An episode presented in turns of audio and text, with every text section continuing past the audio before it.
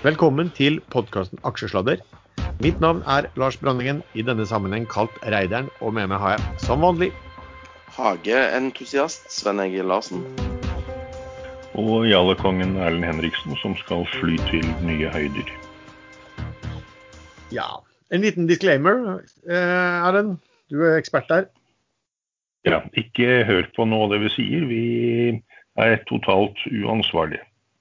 Korrekt. Vi ringer råd dersom du hører på hva vi sier om markedet, aksjer, enkeltaksjer og livet for øvrig, er ansvaret helt og holdent ditt eget. Det kan forekomme feil i det vi sier, og panelet og panelets gjester kan være lang, kort, direkte eller indirekte eksponert i aksjer, selskaper og produkter som omtales. OK, skal vi eh, starte? Vi bruker å starte litt med å se på eh, ukens eh, handler. Jeg tenkte jeg skulle bare se kjapt på også siden sist gang. Markedet sånn OBX-en i hvert fall er vel opp sånn ca. 1% så det er fortsatt et eh, flott marked eh, i, eh, ja, verden over, egentlig. Men Sven, hva har du gjort i uken som gikk? Jeg har kjøpt ny robotgressklipper etter den andre stadig satte seg fast. Og så i, eh, ikke, jo, i forgårs så slutta faen eh, ene hjulet på den òg å virke. Så nå har jeg levert den inn og får en ny da, om ca. to uker. Så da er jeg tilbake Sven, til du, du ser ikke en sammenheng her med kallenavnet ditt eh, som er internasjonalt kjent, robotdødaren? Jo, jeg begynner å ane ugler i mosen. Og grunnen til at jeg anskaffa denne robotklipperen, var vel veldig mye mose i plenen. da. Så um, det, det, er et eller annet som skjer her som jeg ikke klarer å, å styre over. Mystisk opplegg. Eh, når det gjelder aksjemarkedet, så husker jeg eh, veldig lite fra det. Jeg har traumer og eh, sliter veldig med forståelse av eh, hvordan disse robotgressklipperne oppfører seg. Og å, å stå og se på en robotgressklipper som klipper i sånn random mønster, veldig fascinerende. Er... Jo, jeg, jeg, jeg, tegnte i denne Norwegian-emisjonen. Fikk jo uh, like mange aksjer som deg, Lars, som er jo i samme klubben i hvert fall. Hvor mye var det? 1000? ja. No shit, Sherlock, liksom. jo, altså, altså overtegna jeg så faen på privaten, og så fikk jeg 235 ekstra aksjer. altså 235, og så solgte de på titallet. Det ble jo da Fire kroner ganger 2,35. Ja, det er, faen, eh, det er nesten en tusing, det. Ja. Hvor mange aksjer var du håpet å få da? Vi snakker ikke om at jeg betalte 7 kroner for tegningsretten, sånn at reell pris ble jo 13 kroner, jeg solgte for 10. Men uh, nei. Det skal vi ikke snakke om. Spørsmålene dine preller av som vann på gåsa. Det var et bra uttrykk. Hva betyr det, Erlend? Ja, dit har jeg ikke kommet ennå. Det, det, må vi ta neste episode. Ja, den, kom, begynner, den, begynner, på P. Preller av, som ja. vant på gåsa. Og dit har du ikke kommet ennå? Nei, jeg må komme til F. Flaskehals. Flasketuten peker på, tenker jeg. Ja, nei, det, det begynte vi med allerede som eh, 12-13-åringer uh, med et par jenter i nabolaget. Det var veldig morsomt. Oi, oi, oi, ja. Eh, nei, men skal vi tilbake til aksjeverdenen, da? Tror det. Nei, nå, var, nå, du, nå var jeg litt i gamle dager her, jeg. OK.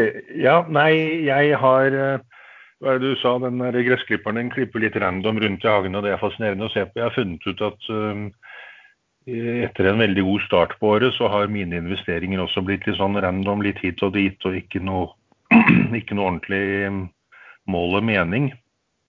Jeg har faktisk gjort det jeg har tenkt på en stund. Jeg har solgt alt jeg hadde.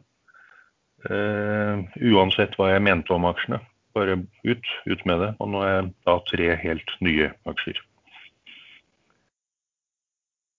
Det gjorde jeg en gang for et par år siden nå. Etter det så snudde det helt. Ja, For å få ut bort alle gamle tanker og ikke låse opp i hva man tror og tenker og mener. Ja, Men det er ikke så dumt, det. For av og til så, så sitter du kanskje og så ser du litt på porteføljen din, og så går det ikke rett vei, og så syns du egentlig ikke kanskje den er så veldig interessant sånn som markedet nå. Eh, og da kan det jo være smart Nei, det er plutselig helt andre aksjer som går. og Man sitter og ser på dette, og så har man litt dåst opp i noe som um, alt lå i Nei, Soff, som jeg egentlig har litt tro på. at nå, nå, kommer det sikkert snart med en melding om Maximus, men jeg hevet det nå. Ut med alt. Begynn på nytt. Den lå jeg pluss i, så da gikk det bra. Verre med et par av de andre. Sånn er det. Sånn er det. Uh, ja, for min del så vi, har, vi, har, alle gjort ganske lite i uken også. Jeg har vel holdt på, for å være helt ærlig, med litt Av og til må man gjøre litt, litt andre ting uh, også. Det jeg har gjort, som jeg nevnte uh, sist gang, det var vel at jeg begynte å se alvorlig, skulle jo si alvorlig på den uh, riggselskapet i USA som Sven hadde snakket om før også, Valaris. og de hadde jo da en presentasjon nå for noen dager siden. Um, Eh, som, ja. ja presentasjon og presentasjon. Det var en analytikerkonferanse. Ja, ja, men de presenterte seg jo da. De eh, forteller jo om tall og kommer med guidinger og kommer med en powerpoint-presentasjon. Ja, ja, til, til analytikerne, ja, ja. egentlig. Ja, ja. Men, den slapp, men den, det, det, det, som kommer fram der, det slipper jo fort ut eh, til andre òg. Det var Det kunne vel Alle kunne vel få ut og se de slidesene. Så ja, jeg syns det de, de, de, var veldig optimistiske sjøl på, på, verdier og, og tenkte at eh, Og jeg ser jo at andre meglerhus mener at den er da billig i forhold til andre. Så det var egentlig å, å plukke en del der dag én. Og så har jeg vel egentlig, kommer sikkert til å plukke, fortsette å plukke videre eh, så lenge trenden er den samme, på en måte. Det vil si at det, det stiger sånn sakte og rolig oppover. Forhåpentligvis. Så det har vel vært det som har vært litt eh, ja, av, av noen større beløp som har vært gjort noen ting i, i ukens gikk, for min del. Um, ja, vi, vi, bruker alltid gå gjennom da, emisjoner og uh, debutanter. Jeg tenkte Når det gjelder emisjoner, vi kan ta Norwegian kan vi jo bare ta rett etterpå, tenker jeg. Det blir vel en, noe prat om det. Men er det noen andre ting av emisjoner og debutanter du har fått med deg, Sven? Uh, nei, den M, uh, M Water, West Water, uh, et eller annet. De gikk vel på børs i dag. jeg har ikke fulgt med hvordan det har gått, men det har kanskje du? Ja, den er pluss 17% fra emisjonskursen. Den emisjonen ble satt på hvis jeg husker riktig, ble vel på 12,50. Ah. og den ligger nå i 14,70 på kjøp og 14,90 på salg. det var dumt at jeg solgte den i Fishu på 13,5. Ja, ja. Du tjente jo penger, da. Jo, men du kunne tjent mer penger. Det kunne du. Hm. Det kunne du vel stort sett alltid, Sven. Eh, med din eh, tidlige avgang. Jo, jo da. Men uh, vi kan kjøre en liten sånn trade live, da. Nå tok jeg akkurat uh, en del aksjer i denne her Stad Torsk. Jeg vet ikke hva det egentlig er. Jeg tror det er noe torskeoppdrett-greier på 2,603. Det var en eller annen som dumpa en god del aksjer. da. Så får vi se, da. Nå skal jeg kjøre den live her i, gjennom sendingen, om jeg tjener penger. Da lå du i boka for å ta imot, eller så du en dump og hev deg inn? Jeg så en dump, og så lå, da, lå han med resten av volumet på to Han begynte å selge på 270-tallet, og så har han solgt seg ned til 260. Så da håper jeg kanskje å få tilbake 270, da. Så er jeg kjempehappy.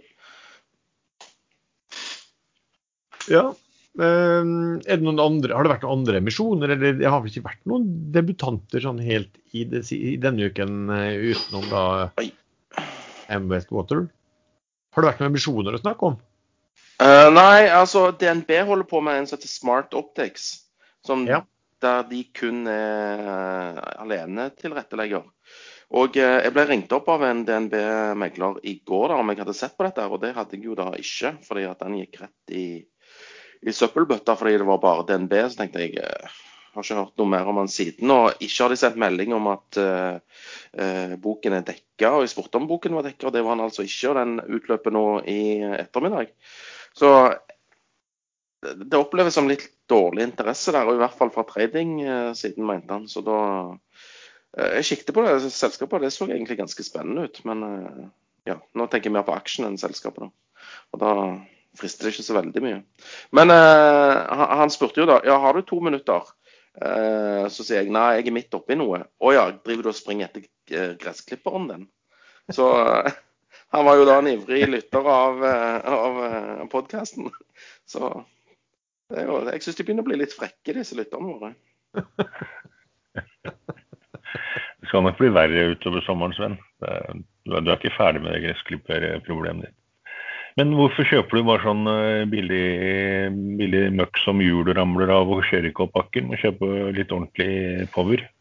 Uh, nei, eh, fordi jeg hadde ikke satt meg skikkelig inn i uh, sånn helninger og sånn. Jeg hadde målt helninger og kom fram til at de var rundt 20, da. Men uh, når, når, den da går litt lenger ned i gresset, så er jo helningen plutselig over 25, som det var det han skulle tåle. Så eh, dårlig, eh, dårlig forarbeid fra min, fra min side. Men at hjulet faller av, det er jo sånn typisk internettkjøp? Eh, Nei, hjulet falt ikke av, det bare slutta å rotere.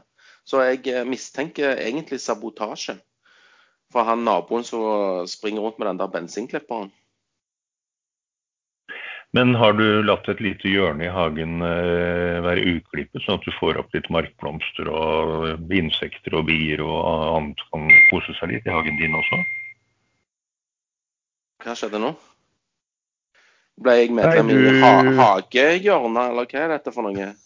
Gardena-praten? Dette er viktig, det, Sven. Alle, alle som kjøper robotgressklipp må få beskjed om det. Man må la et hjørne i hagen eh, vokse litt vilt man tar vare på, på faunaen rundt oss. Er det der du dyrker dine urter? Ja. Nei, jeg klipper ikke gress. Jeg har asfaltert hele hagen med grønn asfalt. Nei, jeg skal ikke spørre hva du gjør med gress, men uh... Nei, ikke, ikke, gjør det. For, det, for hvis han svarer ærlig, så gidder jeg ikke klikk, klikk, klikke, klippe det bort. Ikke Nei, det, det gidder ikke Erlend heller. Nei. Det, men det er jo alltid spennende at vi begir oss over til uh, Hagepodkasten, jo. Som vi har jo Ja, fordi e- egentlig så er vi jo tvungne til å holde på med dette. Faen. Nå kjøpte jeg noe greier jeg ikke skulle kjøpe. Uh, nei, vi er jo tvungne til å holde på med noe som gir oss penger inn. Men det vi egentlig har lyst til, det er jo bare å drive og putle litt i hagen.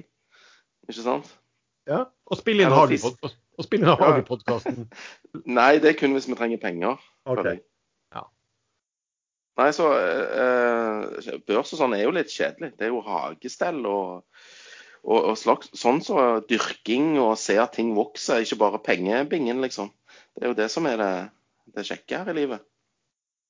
Oh, ja. Nå lurer jeg på, litt på hva du har spist til frokost, Sven. Eller ved siden Jeg har bare fått en kopp kaffe, så vi jeg får skylde på lavt blodsukker eller noe. Lite oksygen til hjernen. Du, eh, men ellers, nå er jo mm, nå er ikke det debutanter ennå, men det er jo spennende å se nå at da, har, Du har jo snakket uh, om at det har vært mye selskap som har kommet på børs, og mange av dem har vært i en veldig tidlig fase. Men nå er det jo tre riktig store selskap som har holdt på i mange mange år, som er på vei uh, mot børs. Autostore, Elopak og Komplett har alle um, meldt at de ser på muligheten for en notering.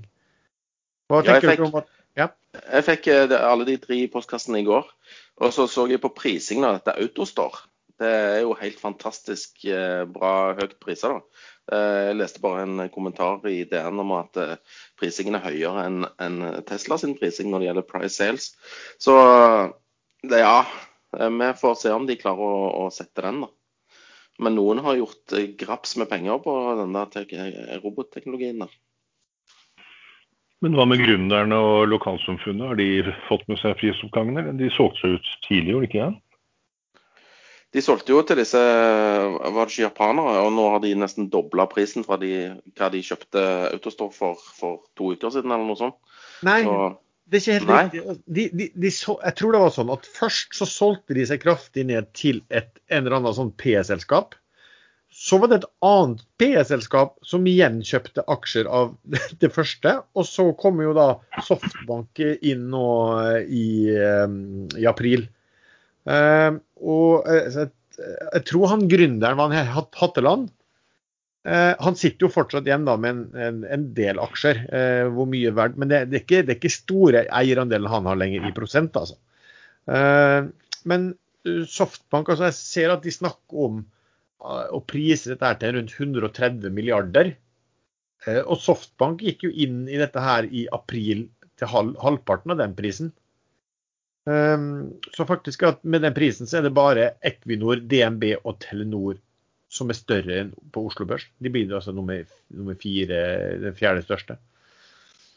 Så hvordan er argumentet for å ta det på børs? Når de tjener penger som gress og alt går bra, hvorfor skal de da være så snille å dele med uh, oss uh, andre aksjonærer? Du kan vel anta at det skal skje noe nedsalg. Jeg vil vel være veldig, veldig overrasket hvis ikke de PR-selskapene skulle satse på det. Jeg ser også, Sven, på omsetning.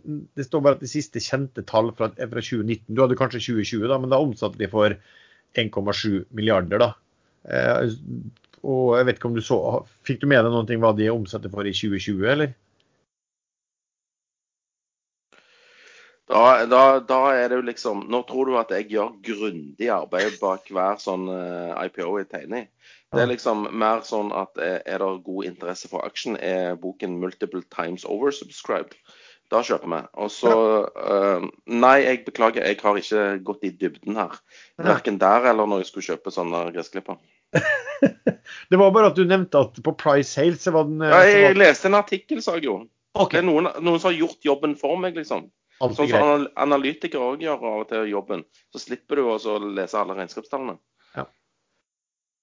Ok, Men den blir i hvert fall da, den, det blir jo interessant å se om den kommer. Og én ting er hva, de, hva, hva liksom meglerhusene eh, snakker om at prisen skal være. Eh, noe annet er hva, hva markedet vil eh, akseptere å betale. Så det får vi jo se på. Men det blir jo bra å få en såpass stor, eh, stor aktør med da Softbank på eiersiden. Og så kommer jo da også Elopak og komplett. Og på Elopak, Elopak skulle vel hente tror jeg, 500 mil, pluss at den er jo eid av Ferd. Eh, tilnærmet 100 i Elopak, så der skal vel de også selge seg ned. Ja, det ble jo ikke noe fest hvis de ikke selger seg ned. fordi at eh, ja, de er jo 99,5 tror jeg. Ja, ja, det er riktig. Noe sånt. Og komplett kjenner jeg litt lite til hvordan de som eier situasjonen der, og, og om de har meldt hva, hva, de skal gjøre, og hvor mye de skal hente og de tingene der. altså. Men det kommer i hvert fall tre store, og det er jo bra at det kommer selskap på børs med faktisk tall som man kan, man kan faktisk regne på, da, uten å, uten å putte fingeren i været og ja. Men Komplett har jo vært på børs før, de. De har det kjøpt opp av han uh, Rimi Hagen. Det blir bra. Det blir bra på den type selskap. Um, og da vi, vil vi få mye å snakke om når de emisjonene og, og de kommer på, på børs.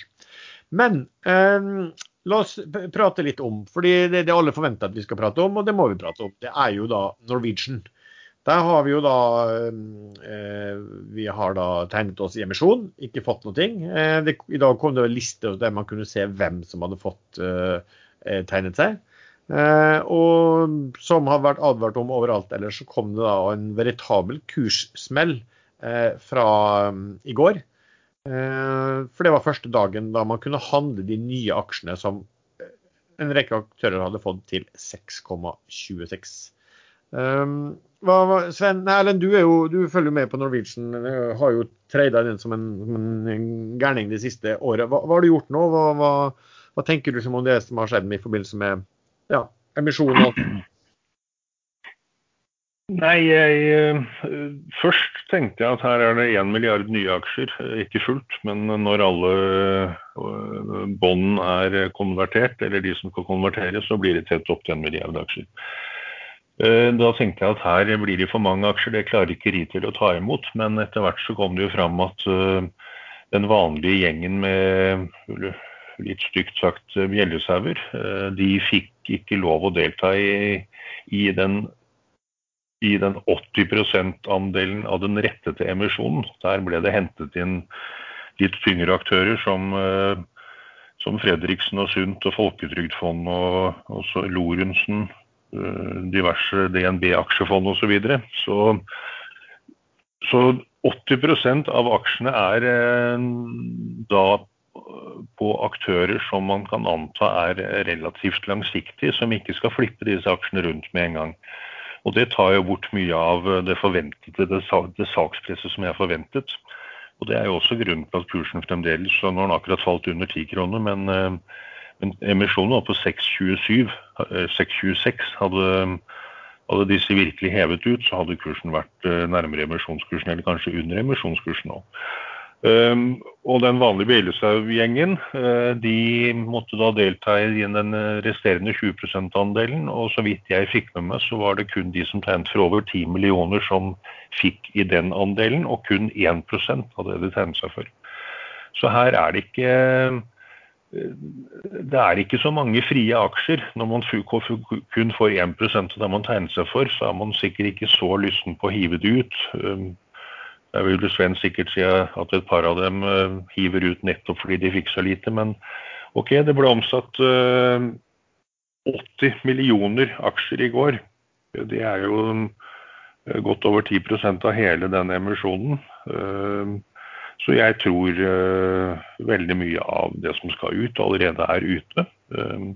De som kjøpte tegningsretter i markedet, de betalte ca. 7 kroner i snitt, vil jeg tro. Og da har de en Hva betalte dere to? Rundt 7 kroner? Jeg har aldri kjøpt de rettene. Ja. Den, kjøpte vi litt for å ja, jeg, kjøpte, jeg kjøpte bare 1500 retter, da. Og så fikk jeg ja. 235 eh, aksjer eh, ekstra til 626. Det var en dårlig var deal, da, men jeg måtte prøve. Det var ikke for å rippe opp, det var ikke for å rippe opp i det, Sven, at jeg sa det. Men, men, det er ikke noe grunn til at de skal hive ut her nå, bortsett fra de som er skuffa. Um, og så er det de som da tegnet seg med tegningsretter, som hadde aksjer fra før. Uh, de er jo gjerne De fleste av dem vil jeg tro er uh, de som har eier NAS. De, de, eier og kjøper NAS, de selger ikke NAS. De selger aldri Norwegian. De har vært med fra 320 gamle kroner og ned til uh, Eh, ned til ti nye kroner, og det er vel én eh, gammel krone. Så de har tapt 99,99 ,99 og tror fremdeles de skal tjene tilbake alt de har tapt. De er sånne ekte, Så jeg, ekte nazister? Ja, en stor menighet. Men det er jo Nornett har vel, så vidt jeg hørte i går, 67 000 enkeltaksjonærer i Norwegian, og da kom jo alle DNBs i tillegg. Og de fikk vel 40 000 nye bare på eh, rundt sommerhalvåret i fjor. Så, så, det er ekstrem andel av uh, småaksjonærer. Uh, det er Norges folkeaksje. Så, og disse selger ikke. Uh, så nå tygges det litt rundt ti kroner, og når det er ferdig tygget, så tror jeg den aksjen drar oppover. Sissener sa i går i en artikkel at 12 kroner, da er aksjen ferdig priset. Det er det den maks kan være verdt nå. Jeg leste ikke hele artikkelen, men jeg så bare overskriften. Men det vil si at den nå ligger da det er 20% opp til det han mener er eh, maks prising, men Norwegian har jo aldri brydd seg om hva analytikere har ment om eh, prising. Eh, da den lå på 320 kroner, så var det vel analytikere som hadde 80 kroner som kursmål. Så her tror jeg det er et ganske voldsomt oppsidepotensial, helt uavhengig av hva folk sier om market cap og, og prising. Men det, dette kommer jo også sammen med i går så steg eh, Boeing eh, ganske kraftig, fordi eh, man tror at recovery, markedet kommer til å hente seg inn igjen ganske fort nå pga. vaksineringer osv. Så, videre. så jeg har kjøpt mye. Og ligger litt i minus nå, men ikke noe voldsomt. Og tror at det blir veldig god butikk. Det du kan nevne der, er jo eh, om Du, du nevnte altså Sissener. Han er jo ikke analytiker, da. Han sitter jo i et fond. Så, eh, og det er jo, med respekt for han og andre også, det er jo ofte at de som sitter i fond, de, de snakker for sin egen posisjon. Um, om, de på, om, de er, om, de eier aksjer, om de ikke har fått tildelt aksjer uh, så mange ikke har fått. Så det det er vanskelig å vurdere der. Jeg så bare, Det kom jo i dag så kom det jo opp en aksjonærlisten, topp 50. Så viste det seg jo hvem som har fått da masse nye aksjer uh, i den rettede emisjonen. Altså Jon Fredriksen hadde jo da fått 140 mill. aksjer. Sund altså, uh, hadde fått 123 mill. Folketrygdfondet var på 48 millioner. Ludvig Lorentzen var på 32 millioner aksjer, pluss at de hadde en del sånn privatpersoner knytta til seg som hadde fått mye. Diverse DNB aksjefond hadde 84 millioner. Så hadde du en diverse Nordea aksjefond som hadde hatt mye. Så var det, ellers var det litt sånn, mer sånn småtteri. Eh, ser at, Sissener dukker ikke opp på den listen. Nei, så heller ikke han. Man kan ligge bak. Det ligger noen nominis her og der som kan ligge bak ser sånn Ikke for å si noe stygt om Sissener, men at han da går ut i pressen eller lar seg intervjue og forteller at han er makspriset på 12 kroner. Da kan man jo anta at han kanskje eh, ønsker å komme seg inn, han også, på en litt ja. lavere kurs. Eller kanskje ikke han fikk, fikk eh, noen ting å tegne, seg for mye, fikk, fikk, til og med ingenting. Jeg ser da at Blystad Songa Capital de fikk for to millioner aksjer. Spetalen, altså Tycoon, fikk, for, to, eller fikk to millioner aksjer. Og Det samme gjorde dette Nord, altså Andenes investeringsselskapet. De fikk for 1,6 millioner. Så så her har det jo vært, da, jeg kalte vel da jeg sendte ut børsekstrag, at Norwegian og meglerhusene har stemt og avgjort årets skjønnhetskonkurranse, der man fikk en premie var gratis kjempegevinst. Um, nå er det jo en del av de her som jeg nevnte nå, som, som har deltatt med Norwegian i en prosess og forhandlet over ganske lang tid. Uh, men så er det selvfølgelig en del som har da uh, ikke gjort annet enn å tegne seg for tilstrekkelig store beløp da, og fått, uh, og fått tildeling. Men hva, hva de gjør altså, sånt, Det er jo sånn jeg vil tippe Blystad og, og, og Spital og de som får et par millioner aksjer, ikke sikkert de gidder å ha det. De, de, de er sikkert fort ute allerede. Um, jeg tror ikke Fredriksen og Sund og Lorentzen og de er de som begynner og Folketrygdfondet er de som begynner å pumpe ut med en gang. Men det de ikke vet, det er jo da aksjefondene. Uh, det er jo mye aksjefond her som har fått uh, bra, altså, særlig fra DNB og Nordea. Så spørsmålet er hva, hva, de gjør, da. Men... Men det er vel ingen bindingstid uh, offisielt? er det det? Ingen lockup? Lock ikke som jeg har sett, og da, det, da, tror jeg vel ikke kursen hadde falt så mye heller, hvis, den, hvis det hadde vært en, en sånn uh, lockup. For at kursen det, det, Vi har jo vært inne på dette her at det kom da en horde med, med nye aksjer som mange hadde kjøpt betalt uh, 6,26 for, og da lå jo kursen dagen før dette skjedde på uh, nesten 21 kroner. Så det sier jo seg sjøl at hvis du har fått tegnet deg for en eh, voldsom sum, og du får aksjer på 6,26, og, og, og dag, samme dag du får de, eh, at kursen hadde stått i 20 kroner, så hadde du jo uh, vært veldig fornøyd med å dunke de ut uh, med en gang. Men det skjønte jo markedet. da. De skjønte ikke de som betalte dagen før og var, lå inne og kjøpte for 20 kroner. Uh, men dagen etterpå så falt den jo da 50% ned til ja, drøye, drøye 10 kroner. Men nå er vi da ennå ikke i juni, og da har man hele juni og hele juli på, å kjøre en, eh, det man kan da kalle en god vakuumtred i Norwegian fram til eh, de konverterte aksjene kommer. De konverterte lånene kommer.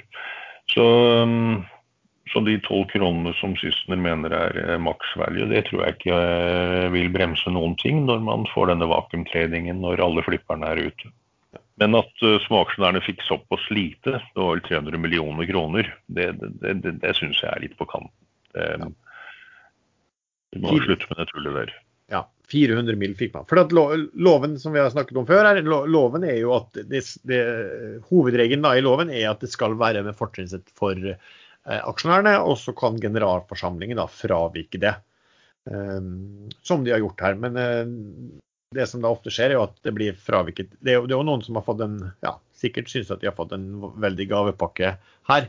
Eh, men det er ikke sikkert det framsto som den gangen de tegnet seg for dette her, eller bestemte seg for å bli med på det. Hva vet vi om det? Ja, det, er jo, det er jo småaksjonærene som har stemt gjennom at, de, at det kan fravikes. Så ja. det er jo ris til egen bak. De må jo følge, følge, med. Ja, ja, selvfølgelig. De følger ikke med. De, må, de Nei, de følger ikke med. De må begynne å følge med, da, det, og så slutte å klage etterpå. Ja. Hvis du ikke har fulgt med. For, ja, men det var jo sånn at, var det ikke sånn at det var veldig få eh, altså Når dette her ble stemt opp på generalforsamlingen, så var det Jo, det var bare et par-tre prosent. Det var ingenting. Nei, sant? Så de gidder Hvis de hadde gått sammen om dette her, da. Men da måtte du ha tromla sammen disse pengene sjøl, og det vet de jo at de ikke har. Så de var eh, fanga mellom barken og veden, for å bruke et annet uttrykk.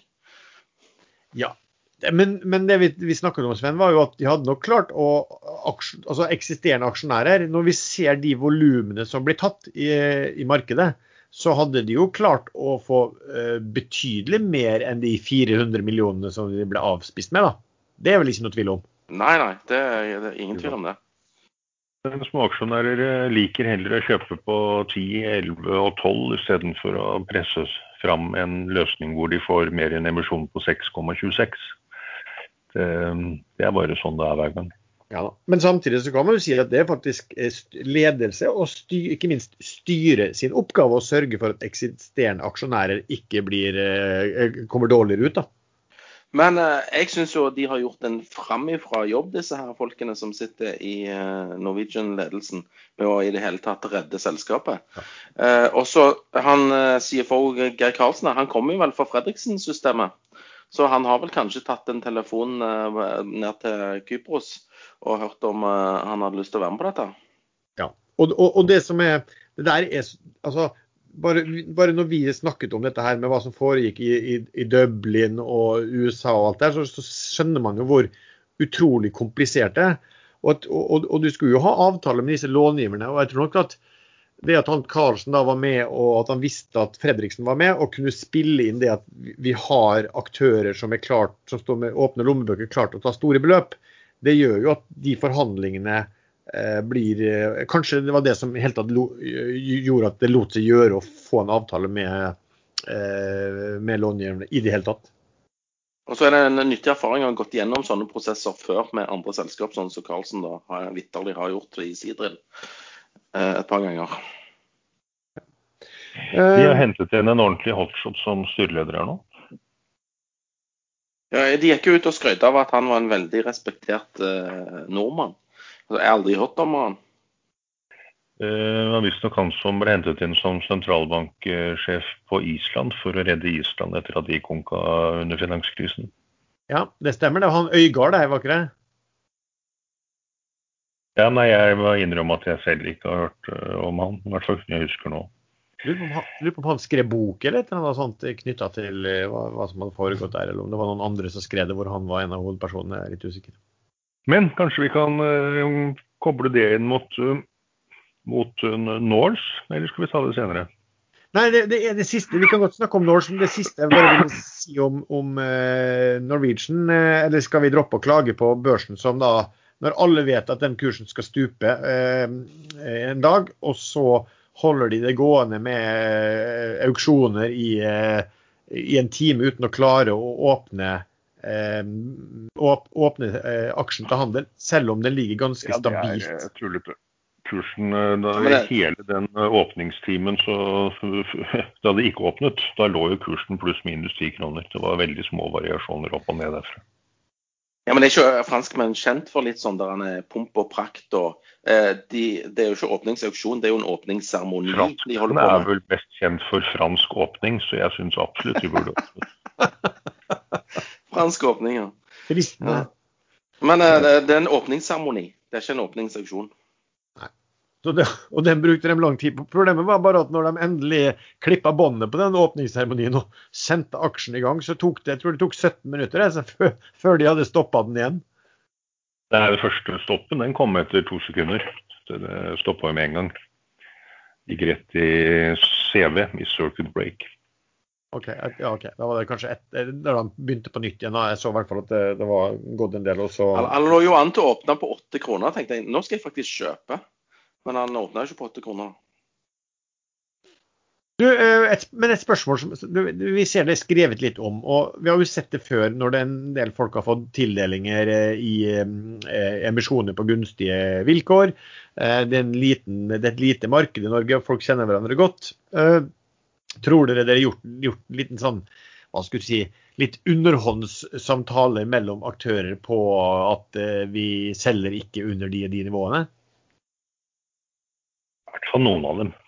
Det, så man helt tydelig i, i KOA da de kjørte emisjon. Og Spetalen og Fredelig eh, helt tydelig De fikk vel det samme beløpet begge to i emisjonen og solgte seg ned veldig jevnt uh, til de var helt ute.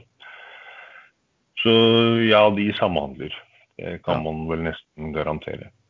Men det kan jo være at de, lar en, eh, de gir bort oppdraget til samme megler, så det, jeg sier ikke at det er noe forbudt det de gjør. Det er, eh, megleren får beskjed om å selge for dem, og da er det jo naturlig at han deler på salgene. Fordeler det, ja. Så det blir på en måte en slags sånn stilltiende uten at det, du, du, bryter noe og, inngår noe formalisert avtale på det. Eh, noe som helst. Eh.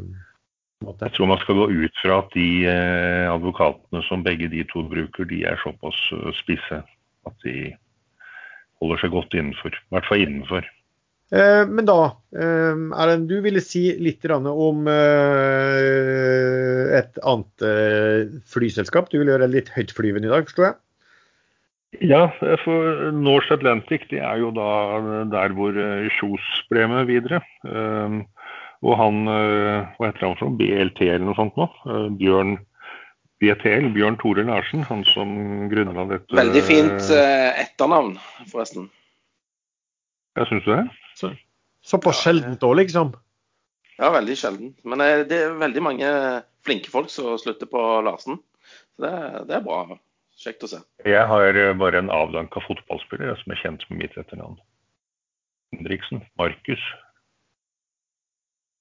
Det er jo ikke noen andre Henriksen han kjenner til, er det det? Nei, jeg har aldri tenkt så mye over det, for å være helt ærlig. Hvem, hvem, men det har sikkert du. Ja, men det gjelder vel deg også, Lars. Brandeggen er liksom ikke det man uh, forbinder med store bragden i verden. Nei, det... En avdanka midtstopper fra ungdomsfotballag et eller annet sted borti Molde. midtstopper, tror jeg stoppa han. Jeg, jeg, jeg, tror, jeg, tror, han var spiss. Ja, Han hadde ikke en defensiv gene. Selv selv om han var litt butt, så var han spiss. ja. Lite bevegelig. Bakromsspiss. Ja, men tilbake til eh, Norse Atlantic. Da. I går så kom de med melding etter børsslutt at de har eh, fått til en avtale med fagforeningen borte i USA eh, om rammebetingelsene for eh, å ansette amerikansk personell eh, på amerikanske baser og det de skal bruke der borte. Og de snakket om at de skal ansettes opptil 700 ganske raskt. Så her, eh, Norse Atlantic minner jo mer om Bjørn Kjos gamle selskap Norwegian, hvor de satser hardt og brutalt og fort, skal bygge raskt. Og de satser kun på krysse Atlanterhavet. Og jeg tror eh, at alle de som mener at det var det som knakk Norwegian sist, så, så er nok det for så vidt riktig, men det var ikke pga. Eh, at det ikke er mulig å tjene penger på langdistanseruter. Det var pga. alle problemene de hadde med Dreamliner og eh, Rolls-Royce-motoren etter hvert. Flyene sto mer på bakken enn de var i lufta. Så Det konseptet der tror jeg er helt fantastisk. Og det jeg er litt overbevist om på sikt, og det er det flere som også mener, det er at Norse og Norwegian kommer til å fusjonere på sikt. Så Da blir eh, Norwegian tilbake til det det var, med litt samme eiergruppe og litt samme ledergruppe. Og ikke bare innenlandsflyvninger, som de nå måtte godta for å få gjennom emisjonen, men da med langdistanse igjen men da med vesentlig redusert gjeld. Selv om 20 milliarder kroner er jo ikke akkurat lite gjeld, men det påvirker vel andre tall og øker litt balanse og litt sånn forskjellig. sånn at uh, det ser pent ut på papiret. Uh, og hvis markedet tar seg ordentlig opp, så, så, er det absolutt håndterbart. Det kan det bli stort. Men det viktigste er jo ikke egentlig om de fusjonerer. Det viktigste er om uh, markedet tror på sånne ville rykter som settes ut. Og jeg er jo helt imot ryktespredning, men, eh, men eh, nå er det jo nevnt, da. Noe annet, er du noe annet du er interessert i flybransjen for tiden? Ja. Det er jo eh, sånn generelt, hvis markedet verden over, i hvert fall i Vesten, tar seg opp igjen, så, så er jo det en av de bransjene som har ligget med knokket og brukket rygg og nakke lengst. Så og vaksinene fungerer jo, det ser man jo. Så får man håpe det ikke kommer en ny variant som overlister vaksinene. Så da, Det er sånn sky high eller, eh, eller ny eh, rekonstruksjon om et par år. Men hva med flyr, da?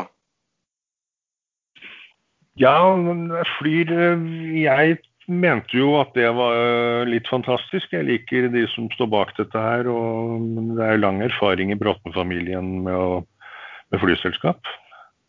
Men det er veldig få som er enig med meg, så jeg ligger litt sånn på vent. Hva tror du? Nei, jeg tror når Norwegian kommer seg på, på, i, eller i lufta igjen, så tror jeg Flyr skal få lov å slite litt. Men eh, det er bare min egen mening. Og jeg har trukket parallell til Color Air fra Ålesund tidligere, og eh, jeg fortsetter å dra den parallellen.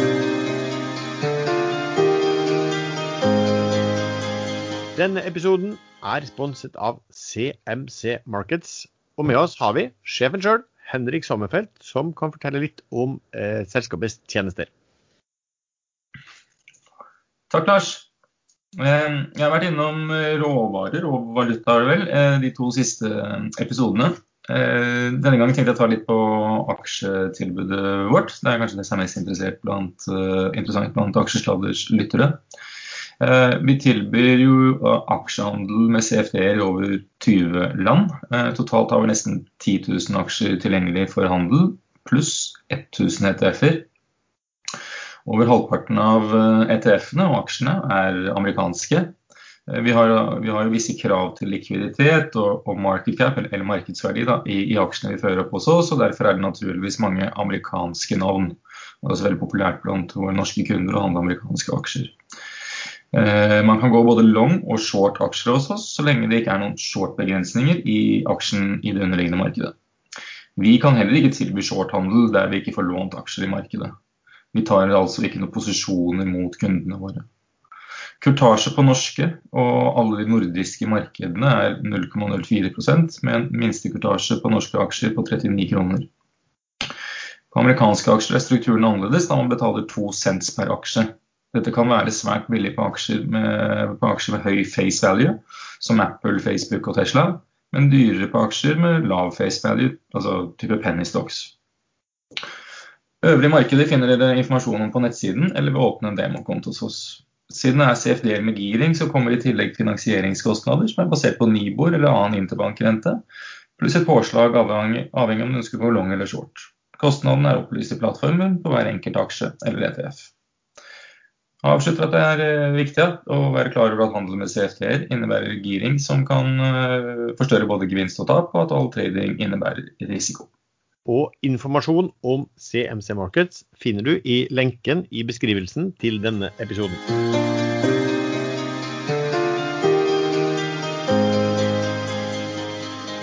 Nå har vi snakka litt om, om, om, Norwegian, som jo eh, kommer ut av en eh, større reorganisering og hvor, eh, restrukturering, og hvor folk har fått aksjene sine da.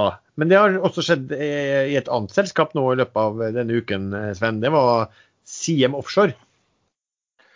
Ja, der har det kommet et par aksjer, for å si det sånn. Um, de kvitta seg med litt av gjelden, ikke så veldig mye egentlig. Et par hundre millioner eh, fra banker og fra obligasjonseiere. Eh, og de fikk konvertere denne her gjelden, altså 100% av gjelden til 10 øre per aksje. Vil si at eh, nå er det 23 milliarder aksjer i, i det selskapet. der. Eh, og jeg kikka sjøl på det, om jeg skulle kjøpe obligasjonen og, eh, og eh, bli med på konverteringen og, og, kunne selge aksjer i markedet. Fordi at Kostprisen på disse aksjene, hvis du kjøpte obligasjoner i markedet til rundt 26% som du kunne kjøpe til, så, så var kostprisen 2,4 øre. Eh, og Så regnet jeg på det, ganget det med 23 milliarder og fant ut at markedsverdien er jo 500 millioner. da, og så er det verdt det, liksom? Nei, kanskje ikke. Så jeg, jeg eh, ble ikke med på den eksersisen, eh, dessverre skulle jo, kunne jo det, for I går så kunne de begynne å selge aksjene sine. og De som var tidligst ute, de fikk jo solgt det litt på 60 øre. Og, og Det er jo nice når kostprisen er, er 2,4. De andre bankene som var med, de fikk òg konvertert, eh, men de konverterte jo da eh, mer eller mindre til 100 og, og Det vil si at kostprisen deres er da 10 øre per aksje. Så nå ligger den vel rundt 6 øre. og eh, du har gjort en veldig fin deal hvis du, hvis du var med som obligasjonseier. Men der er de nye aksjene kommet allerede? De kom i går. De kom i går. Da... Så da blir det ikke noe vakuum-case?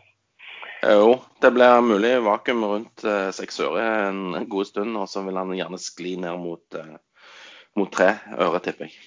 Men det kom en, kom en spleis, da.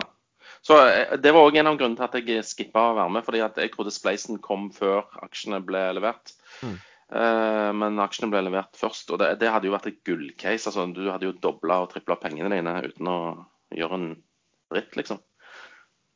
Jeg vet ikke om folk er Rart med det hvor, eh, hvor ofte ting dobler seg fra to, to øre, eh, eller tredobler seg, men fra to kroner så sitter det langt inne. Ja, det høres så billig ut med to øre, liksom. Ja, det er, jo, det, det er, jo, det, det går på. Det er jo noe sånn psykologisk at det, det virker billigere. Det er jo derfor penny stocks ofte er litt sånn populær. Du, du, du, får på en måte litt mer enn å kjøpe en kjempedyr aksje. For an, flere antall aksjer. Og så er det litt kulere da når liksom Nei, jeg kjøpte fem millioner aksjer i CM Offshore i går, liksom. Og satser på at de De har jo vært oppe i 70 kroner, så det kan jo være at de stiger tilbake der, liksom. Ja, Det var ikke sånn, eh, kjempehyggelig for de som kjøpte aksjer rett før uh, den konverteringen. For den ble jo handla på 64 øre da, dagen før, og falt altså 90 i går. Og falt videre 3 i dag. Så uh, ja, så de har vel uh, fått kjørt seg der. Men det var kanskje ikke så stor, forhåpentligvis ikke så store beløp folk handla for å heller inn. Men det gjelder jo å følge med da på, på at det der skulle komme.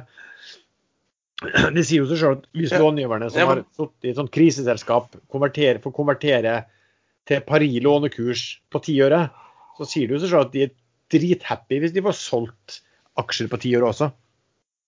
Ja, Det er jo 100% recovery, da. Det er jo pengene tilbake. Men altså, på ti øre så er jo maksverdien 2,3 milliarder kroner.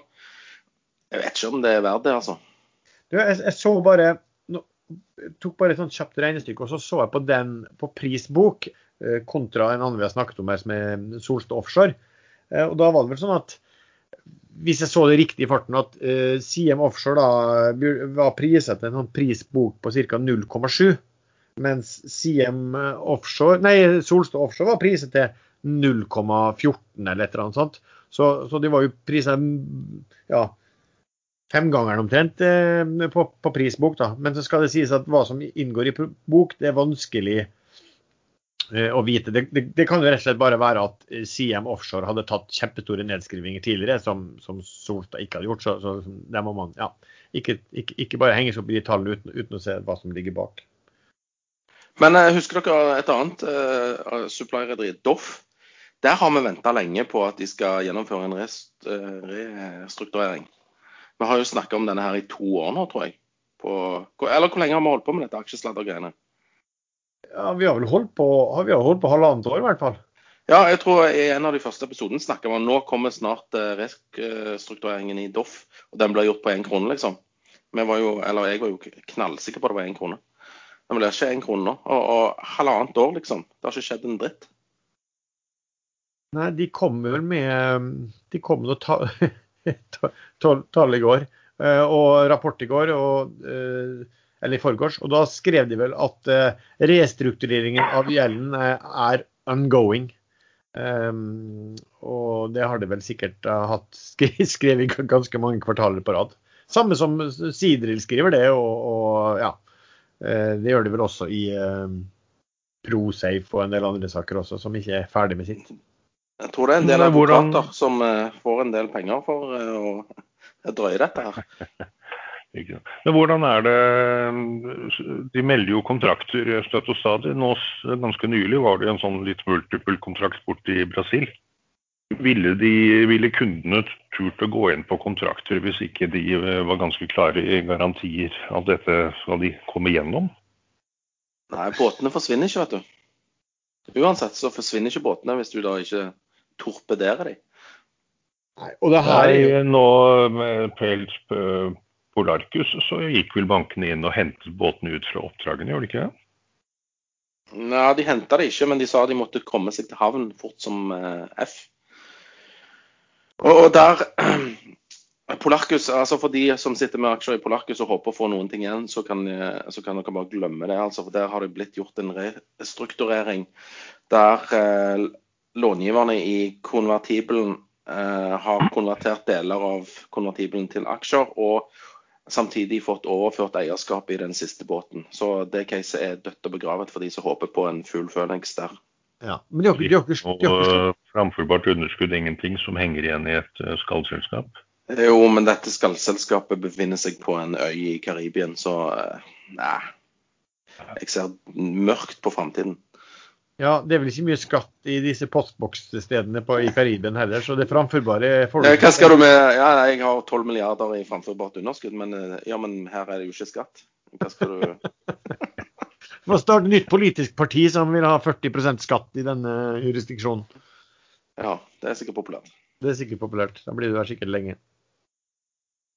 Jo, men nå, nå er vi på vei. Eh, Biden-administrasjonen har foreslått en internasjonal minimumsskatt. Eh, første forslag var på 21% og nå ser det ut som at de kommer til å møtes med europeerne på rundt 15% Og Da begynner det å bli vanskelig for disse nullskatteregimene å omgå det. For de vil jo bli utsatt for sanksjoner hvis ikke de innfører minimumsskatt. Du, eh, nå skal vi ta et litt annet tema som vi også prater litt om. men eh, og Vi har jo snakket om inflasjon og prisoppgangen på råvarer. Eh, og det er jo mange av disse råvareselskapene som har steget kraftig på Oslo Børs. Ja, spesielt etter at man fikk veldig gode vaksinenyheter. Og så har du, har du da ja, problemer i, på tilbudsleddet ofte har gjort at, man, at prisen har økt på, på, på, råvarene. Men nå er jo Kina ute, myndighetene er ute nå og sier at de eh, vil, eh, vil dempe. De er, de er urolig for eh, veksten i råvarepriser. Sier at de vil involvere seg mer i styring av tilbudet av etterspørsel av råvarer for å unngå urimelige prisøkninger. Um, det var vel sånn at Nå så jeg vel at det var sånne kinesiske handelshus som hadde gått eh, redusert long-posisjonen sin i future ganske betraktelig. Eh, og det sånn var det ikke dette jeg advarte mot i forrige aksjesladder, eller episoden før der? Jo, du har vært inne på det, at hva, når Kina plutselig snur seg rundt. For, uh, hva, hva, og nå, nå, er det jo sånn at nå begynner de virkelig å dytte på. Hva men hvor urolig bør man da være for type råvareselskap? Hvor mye kan de dra til? Nei, Kina har jo evnen og musklene nok til å bråstoppe helt. Det jeg ville vært nervøs for, var hvis jeg var investert i et eh, lite exploration-gruveselskap som ennå ikke har produksjon og offtake-partnere og lange kontrakter. Rana kom vel med en uh, en hedge på en del av produksjonen sin. Eh, de burde kanskje kjørt eh, mange flere prosent hedge enn de gjorde. Det var vel 10% i 15 På rundt 160 dollar, tror jeg. Så det, det, blir sånn full bråstopp når, de, når Kina kutter ut. Og så overtar de skakkjørte gruveselskap eh, rundt omkring i verden, og så kommer de styrket ut av det hver gang. Rana har falt en del tilbake da, de siste eh, par ukene, egentlig. Eh, de var vel oppe på, ja, høyt oppe på 80-tallet.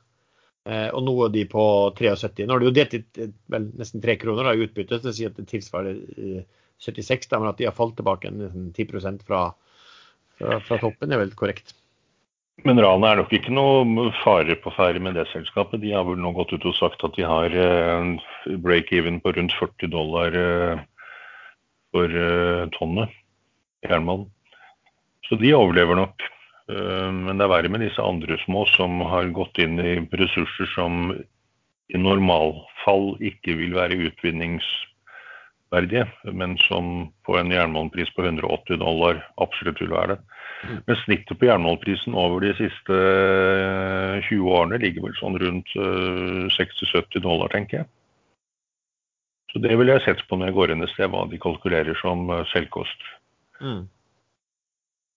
For, det blir jo litt sånn tilsvarende du kan få for eh, oljeselskapet, det da, som skal utvikle en eh, asset, og så, eh, og så um, har den ganske høy eh, altså, eh, det, det, vil koste ganske mye da, per fat å få produsert den.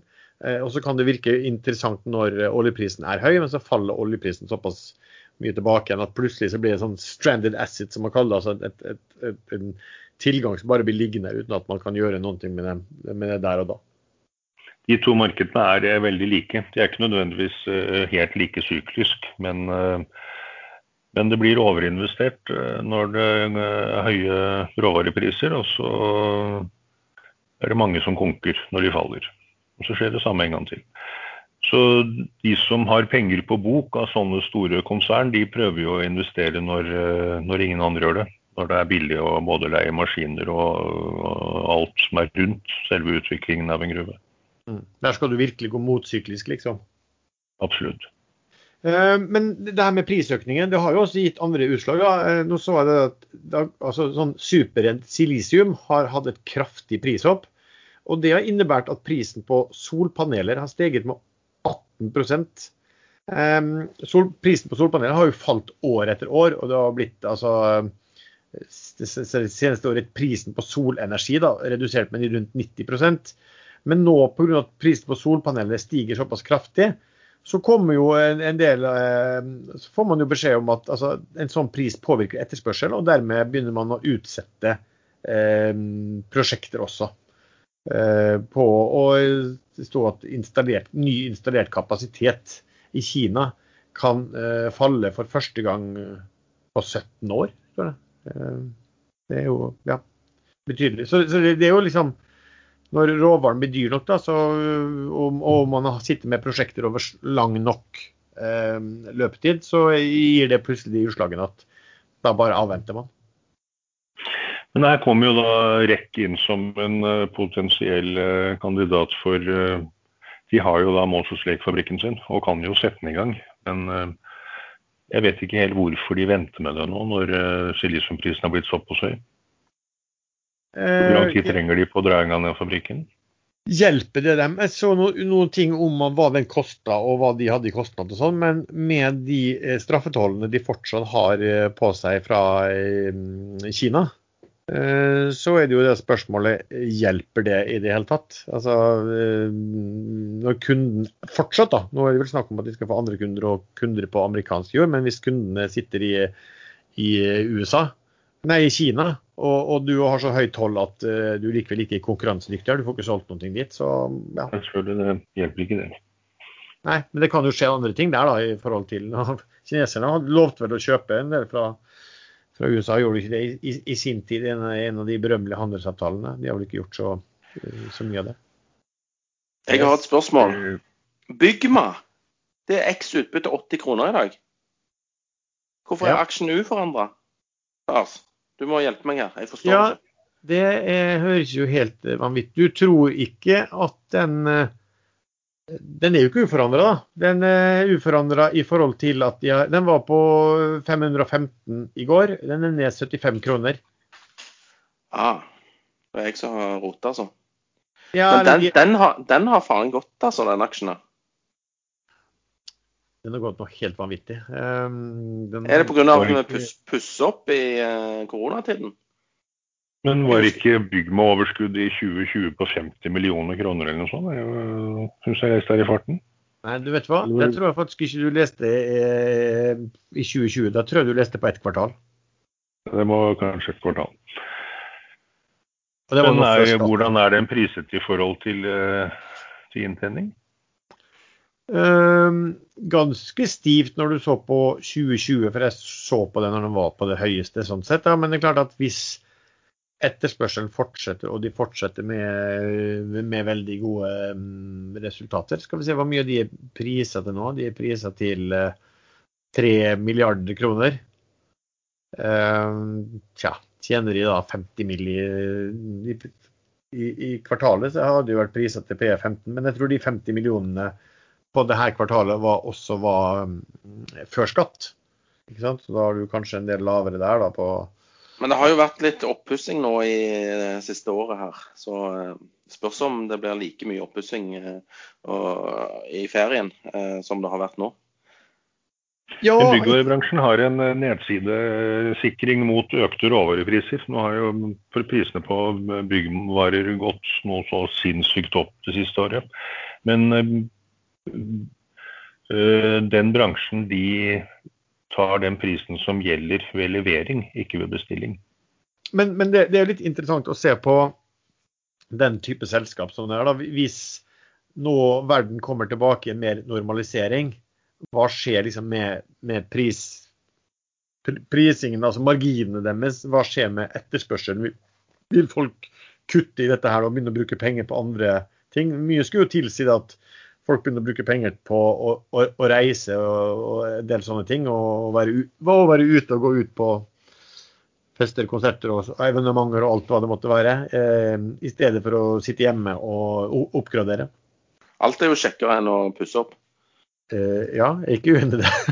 det meste, i hvert fall.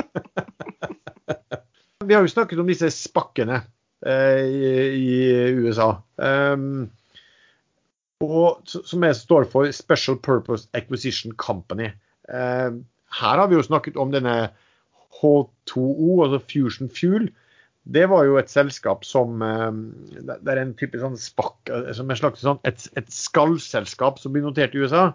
Eh, som egentlig bare består av cash, og skal, da skal de gå sammen med et spennende selskap som da, kommer, som da bruker spakken som børsinstrument. Vi kjenner til via Fusion Fuel, og Freyr er vel også noen som jobber med dette her. Eh, men nå jobber jo dette her Viking Venture investeringsfondet med å hente 600 millioner kroner i et norsk spakk som da skal noteres på Oslo Børs. Eh, ja, hva, hva, hva syns dere om det, og vil det være interessant å investere i det? Sven?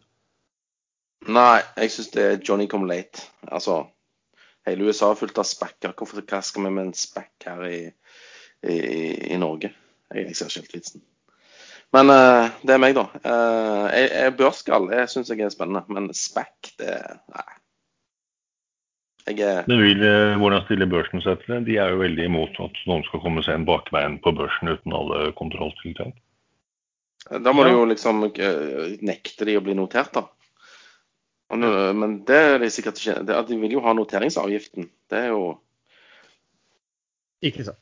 Finanstilsynet, Finanstilsynet må godkjenne dette her, forstår jeg på den avisartikkelen som sto om det. At de skulle. Men, men at de skulle nekte det, det, det høres jo litt, høres jo litt uh, rart ut, det. Det blir jo nesten som et, sånn det blir nesten som et børsen et investeringsselskap med cash, men bortsett fra at dette her investeringsselskapet skal bruke pengene kun på, på en eneste, et eneste kjøp, på en måte. Så driver uh, denne Norwegian-aksjen og er ned på 9,70. 73. Um, kan det være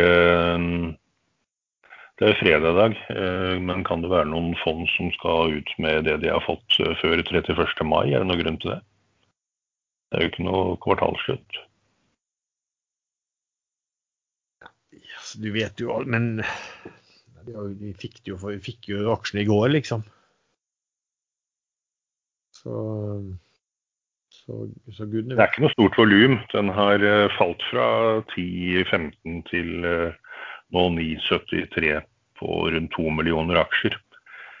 Så det, det, er ikke noe sånn veldig voldsomt salgstrykk, men det er ikke noen kjøpere som fanger opp akkurat nå. Men det ser man jo ofte at uh, ramler ned til en eller annen teknisk uh, støttenivå, så bang, så smeller den opp igjen.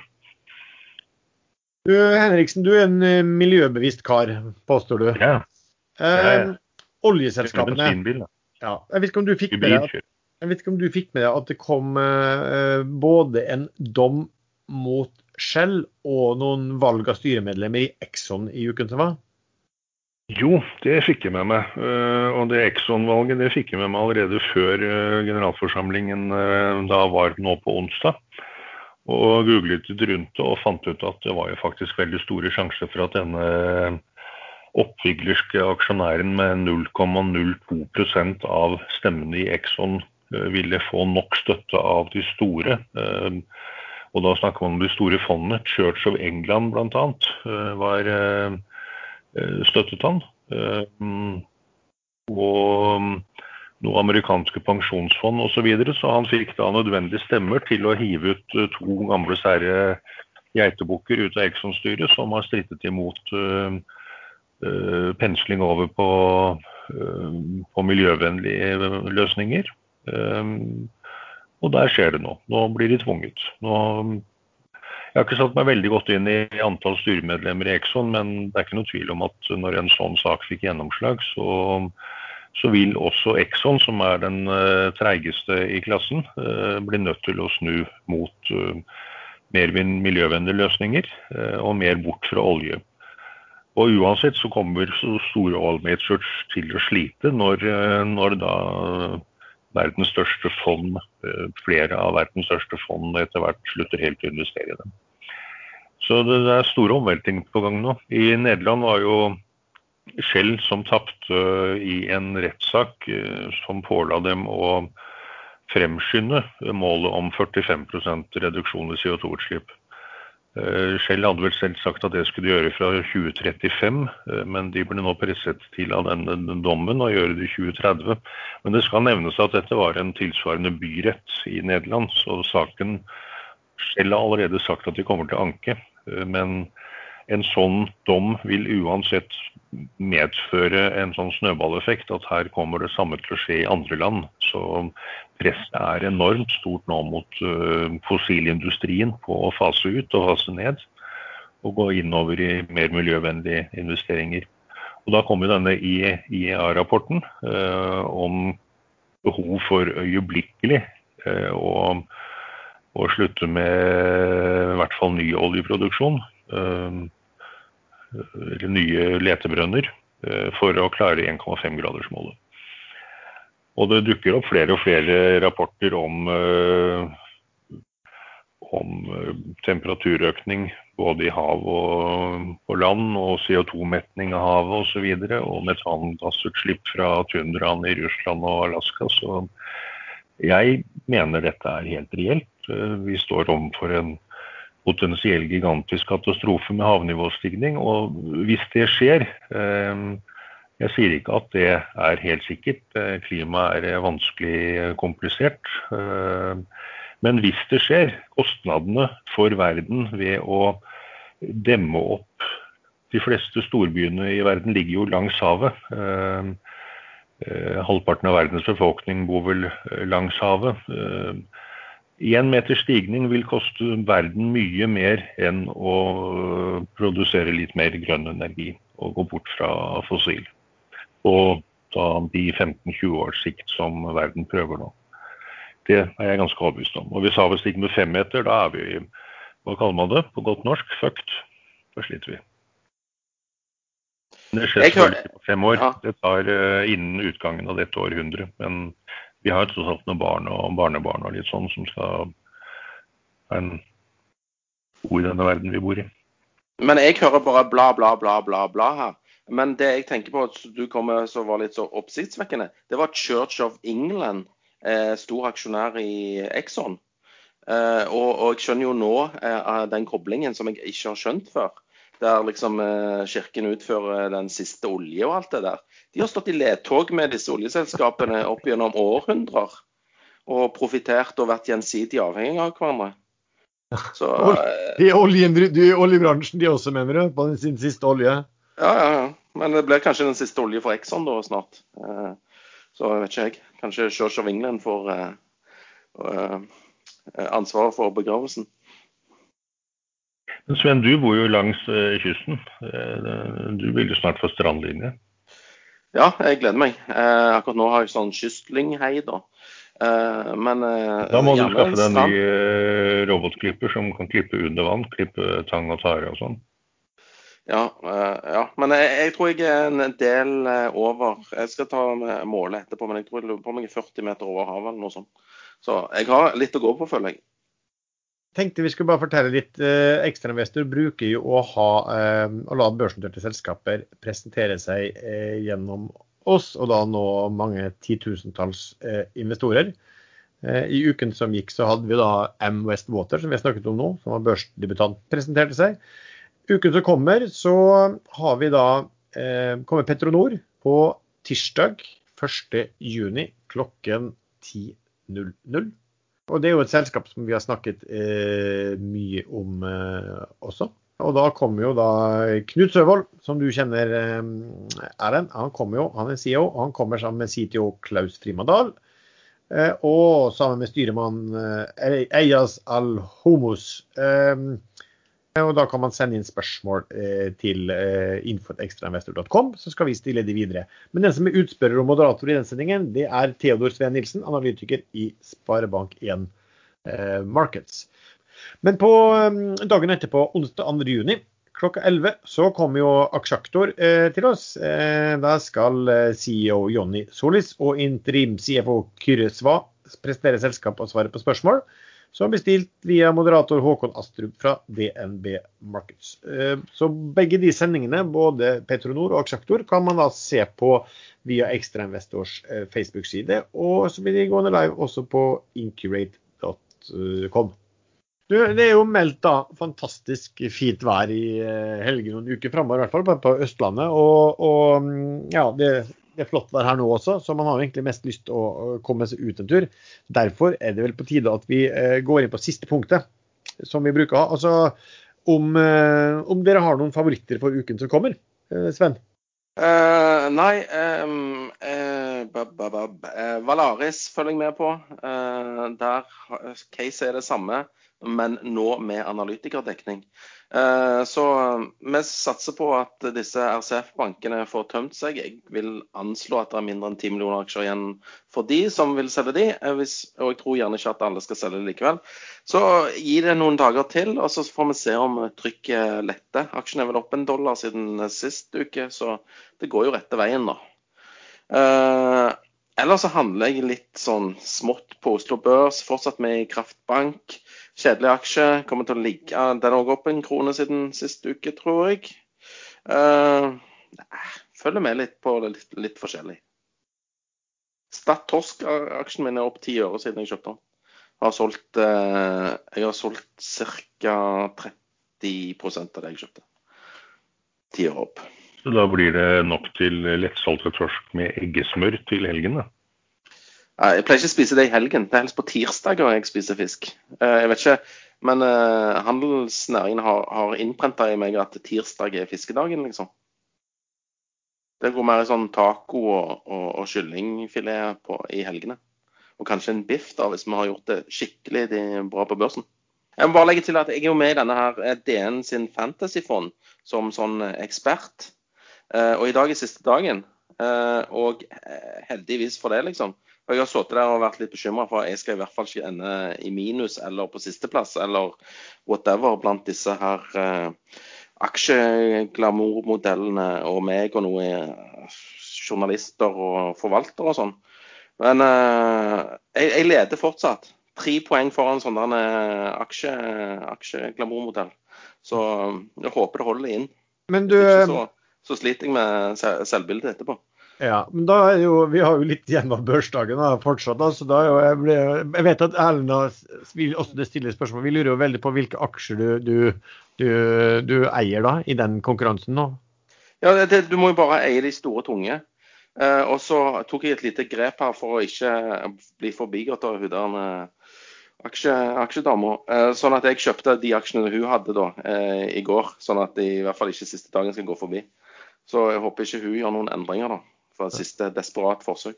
Men jeg sitter da med Norsk Hydro, Norske Skog, Movi, Kongsberg Gruppen, Europris, DNB, American Shipping Company, Subsea 7, Storebrand Sparebank 1, SR-Bank og Schibsted serie B.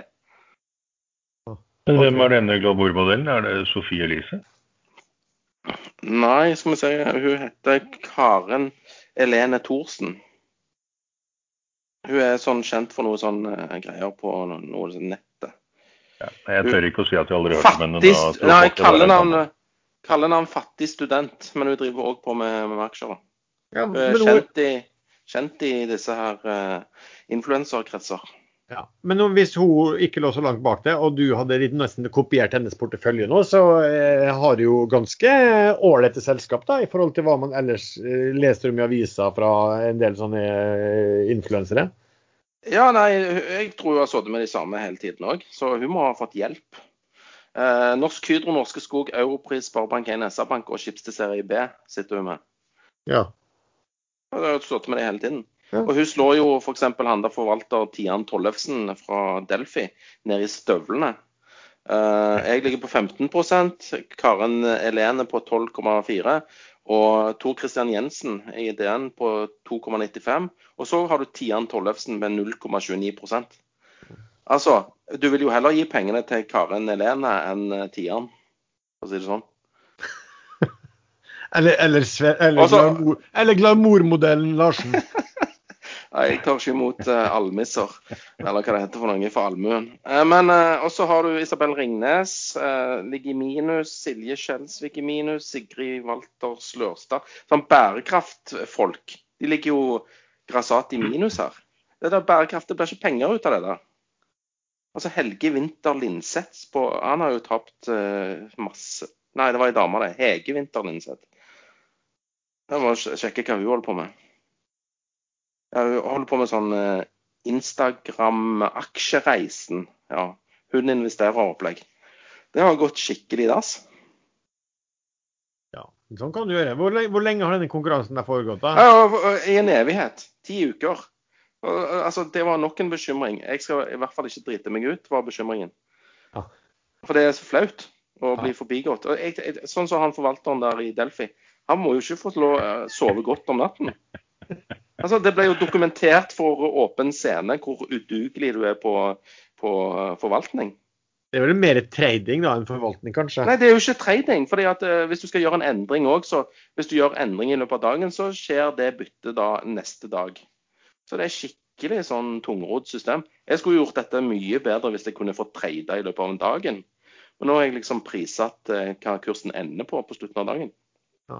Sven, Det er litt interessant at du nevner Delfi, Delphi, for de gikk jo stort ut og sa at de kjøpte seg tungt inn i Flyr. For de mente at uh, Flyr, flyselskapet, for de mente at det var den beste investeringen. Men de siste tre par ukene så har de solgt ganske heavy. I går solgte de 5% i det ene fondet av beholdningen. Ja. ja, det kan ikke jeg svare for. Det får de svar for sjøl. Så der har de kanskje gjort en feilinvestering. Jeg skal se, på, jeg, vet, jeg, skal, jeg skal se om han eh, Tollefsen sitter med flyet. Uh, nei, han sitter med Eller han har bytta om veldig på eh, dette fondet sitt. da. Så nå sitter han med Hydro, Nell, Kahoot, Cadeler, Golden Ocean og Scatec. Skal se om han starter med Nei, det går ikke an å se.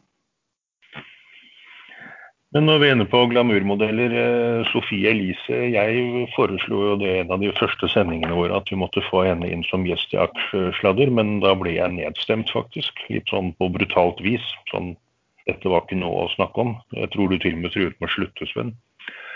Men nå skal hun være med i neste Kjendisfarmen sammen med han uh, tromsøværingen som vant uh, Norges tøffeste. Jeg får med meg sånn på Ekstramester får med all sladder, sladderen.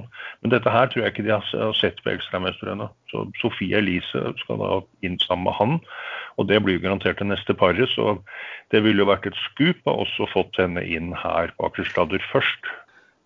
Jeg ser ikke helt nytteverdien. Jeg må bare få lov å si det, altså. Å, Erlend, jeg blir så trøtt og lei av deg. Det ble jo sånn. Nei, det hadde ikke hun sagt. Jeg, jeg har møtt henne i butikken. Hun smilte til meg. Det var vel mer grine på nesen, tenker jeg. Det, det får vi ta uh, off sending. Men uh... ja, nå skal det, ja, Er du ferdig med dine favoritter, eller, Sven? Dette var ikke favoritter, dette var en digresjon og en avsporing av dimensjoner. da, um, Nei, men det, det, det, Nå skal jeg trekke alt tilbake. Flinke folk som er med eh, i år, men eh, det ser faktisk ikke ut som det, holder, altså. Det er mulig jeg stikker av med seieren likevel. Nå gikk du veldig høyt ut her, altså hvis du nå ikke stikker med seieren og taper for, for aksjestudenten. Ja, det er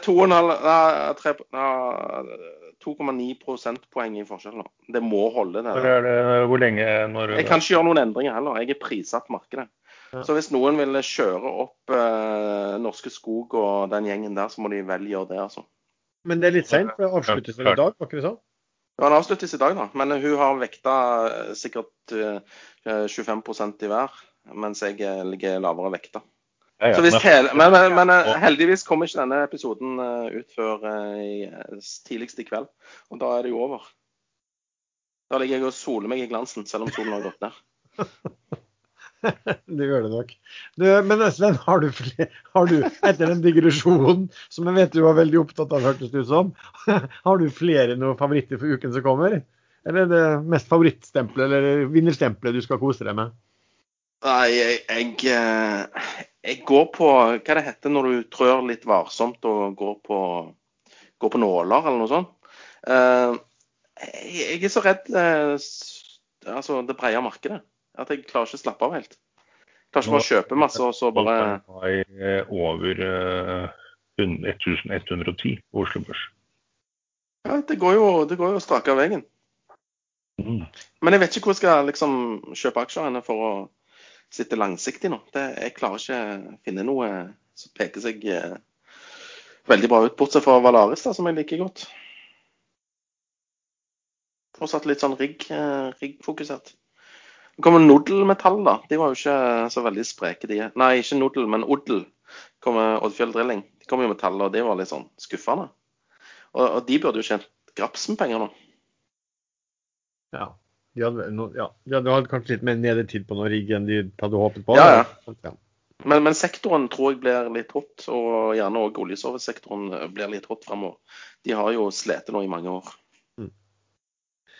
Erlend, dine favoritter? Ja. Øh, jeg har jo nevnt Norse og Norwegian. Nei, ikke jo, Norse, og Norwegian. Jeg ser akkurat at Norse er nå ca. på den kursen øh, den åpnet på. 21,11 er den første prisen jeg får opp her når jeg går inn og sjekker trederen. Og nå ligger den på ligger vel på 21 blank. Og det var 12. april, og det er litt sånn typisk disse nye aksjene som kommer, at uh, interessen dør ut. Det var veldig høy omsetning første dagen, og så har det nesten ikke skjedd noe etterpå. Og plutselig så skyter de opp. Så da har han tatt denne smileformasjonen, gått ned og bundet ut, og er på vei opp igjen. Ellers så har jeg faktisk tatt tilbake Next.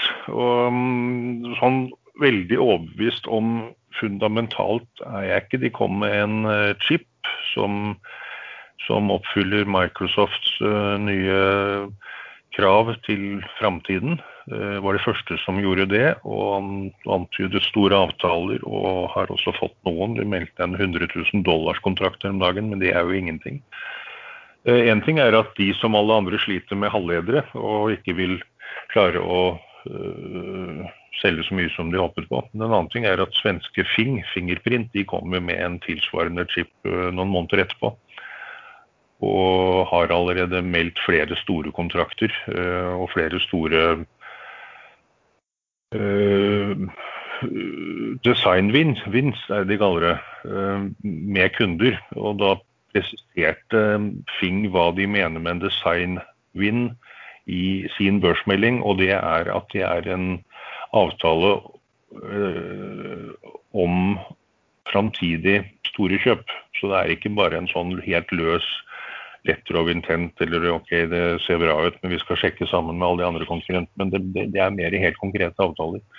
Så um, man risikerer at uh, Fing tar hele det markedet også, som de har gjort med de fleste andre markedene. Men Next har bundet ganske pent ut, halvert seg fra toppen. Uh, det ble tildelt en uh, ganske gigantisk opsjonspakke for en par uker siden i Next. Og det er gjerne sånn litt signal på at da er ledelsen fornøyd. Kursen, de fikk opsjonene sine på en OK kurs, og kommer da til å um, pumpe ut noen meldinger eh, framover. Eh, så kursen kan stikke opp. Det er selvfølgelig ikke sånne selskap kan gjøre, men det er gjerne sånn disse små selskapene gjør det. Så må de si hva de vil om det.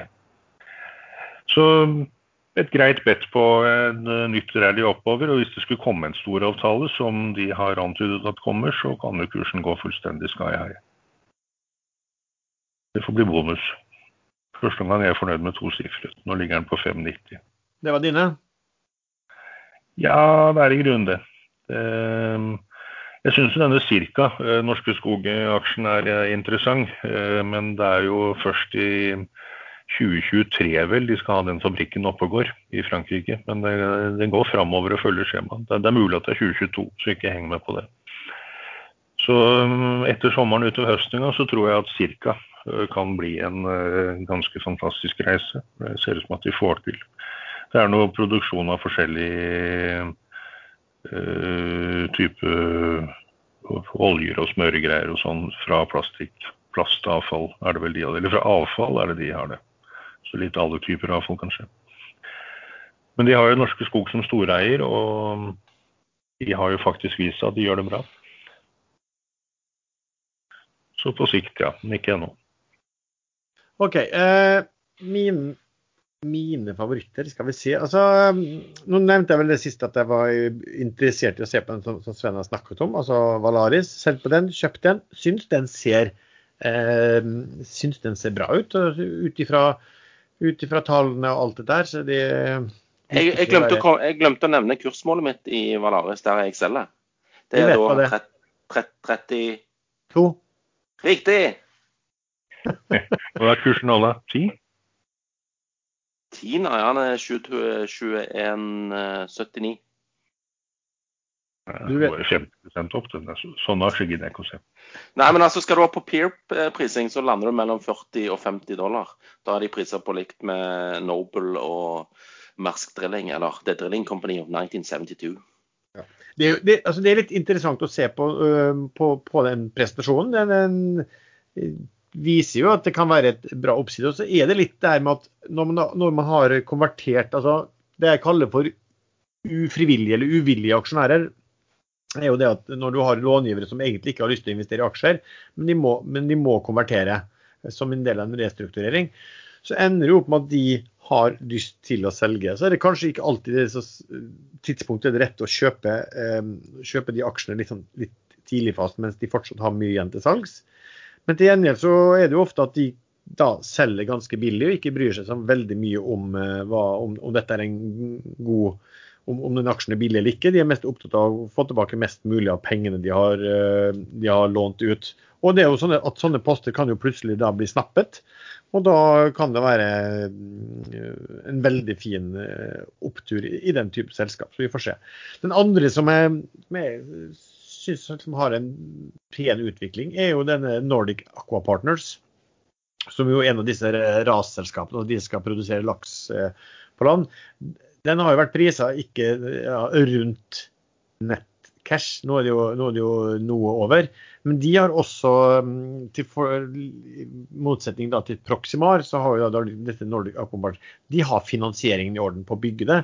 Og nå så jeg altså han eh, CFO-en, eh, et selskap som han var involvert i, var også ute og gjorde innsidekjøp nå for noen, eh, for noen få dager siden. Så, så den syns jeg liksom trender ganske bra, og er, jo blant de som har falt ganske mye også. Så vi satser på at den eh, har, snudd for godt og, og beveger seg oppover. Men sånn, øh, nå må dere ikke bables lenger, for nå er Norwegian akkurat dratt seg over ti kroner igjen, så vi må avslutte før den faller under. Men Norwegian er akkurat som en ser maling tørke her nå. Det er jo kjedelig. Blitt kjedelig aksje. Blue chip. Jeg eier faktisk også Norwegian. Jeg har faktisk kjøpt Norwegian i dag også på 10-10. Den eh, Eh, kan jo, men sannsynligvis jeg vet ikke om jeg gidder å eie det når, når, folk, når folk hører den sendingen. her. Det er just for the fun of it. Jeg tror det er neste uke den kommer til å ta av. Da er uh, de som skulle ut, de er ute. Enten i dag eller mandag er de ute. Og så stikker den. Vi får se. Vi får se. Uh, ja, før vi går ut i det fine været, er det noe mer dere har lyst til å tillegge da, gutter? Nei, I'm good. Jeg håper gresset ikke gror så veldig mye neste tiden. For nå er jeg tilbake til manuell eh, gressklipping i en tokursperiode. Så... Er det sånn håndklippersaks sånn, eller manuell saks du liker å klippe med, eller? Uh, nei, det er en, en Stiga elektrisk, altså batteridrevet uh, sak som jeg kjøpte for noen år siden. Allerede da Jeg er veldig opptatt av å redde miljøet, som dere sikkert har forstått gjennom uh, alle disse episodene. men jeg, jeg, jeg Hæ? Nei, nei. Du spiser ikke rødt Nei, jeg steker det først. Eh, og så Nei, og så fikk jeg sånn eh, krantklipper. Kjøpte krantklipper på Megaflis av alle plasser. Eh, sendte de rett hjem. Fikk den i går. Den òg går på sånn 16 volts batteri fra Black Nei, hva Jo, Black and Deck. Nei, det er ikke Black and Decker. Bosch er det. Bosch, ja. Veldig mye batteridrevet opplegg her hjemme nå. Har, har, du, under covid og hele biten, har du investert i, liksom, i ekstra garasje da, eller? Uh, nei, ikke det? Ja. ja, for det høres ut som du er ute og stadig vekk så er det et eller annet med konteinere der, eller leveranser av det og det, og du har kjøpt det og det, liksom? Ja, nei, jeg driver, driver bedriften min fra garasjen. Sånn som så Apple og disse store begynte, så begynte jeg òg i garasjen. Så det foregår en del aktivitet inni der. Oi sann, nå skjedde det. Men er det bare du som er på batteridrift i familien, eller er din kone også flittig batteribruker? Nei, det vet jeg ikke så mye om. Men uh, vi, vi, vi, vi, går for sånn elektrifisering her hjemme. Så får vi se hvor langt vi drar det. Ja. Så har man problemer med roboten sin slash gressklipperen, så er det bare å møte hjemme hos Sven. Han har da svensk gressklipperservice. Eh, mottar alle med, med, stor glede og ja, gir dem et eh, glass vin mens de venter.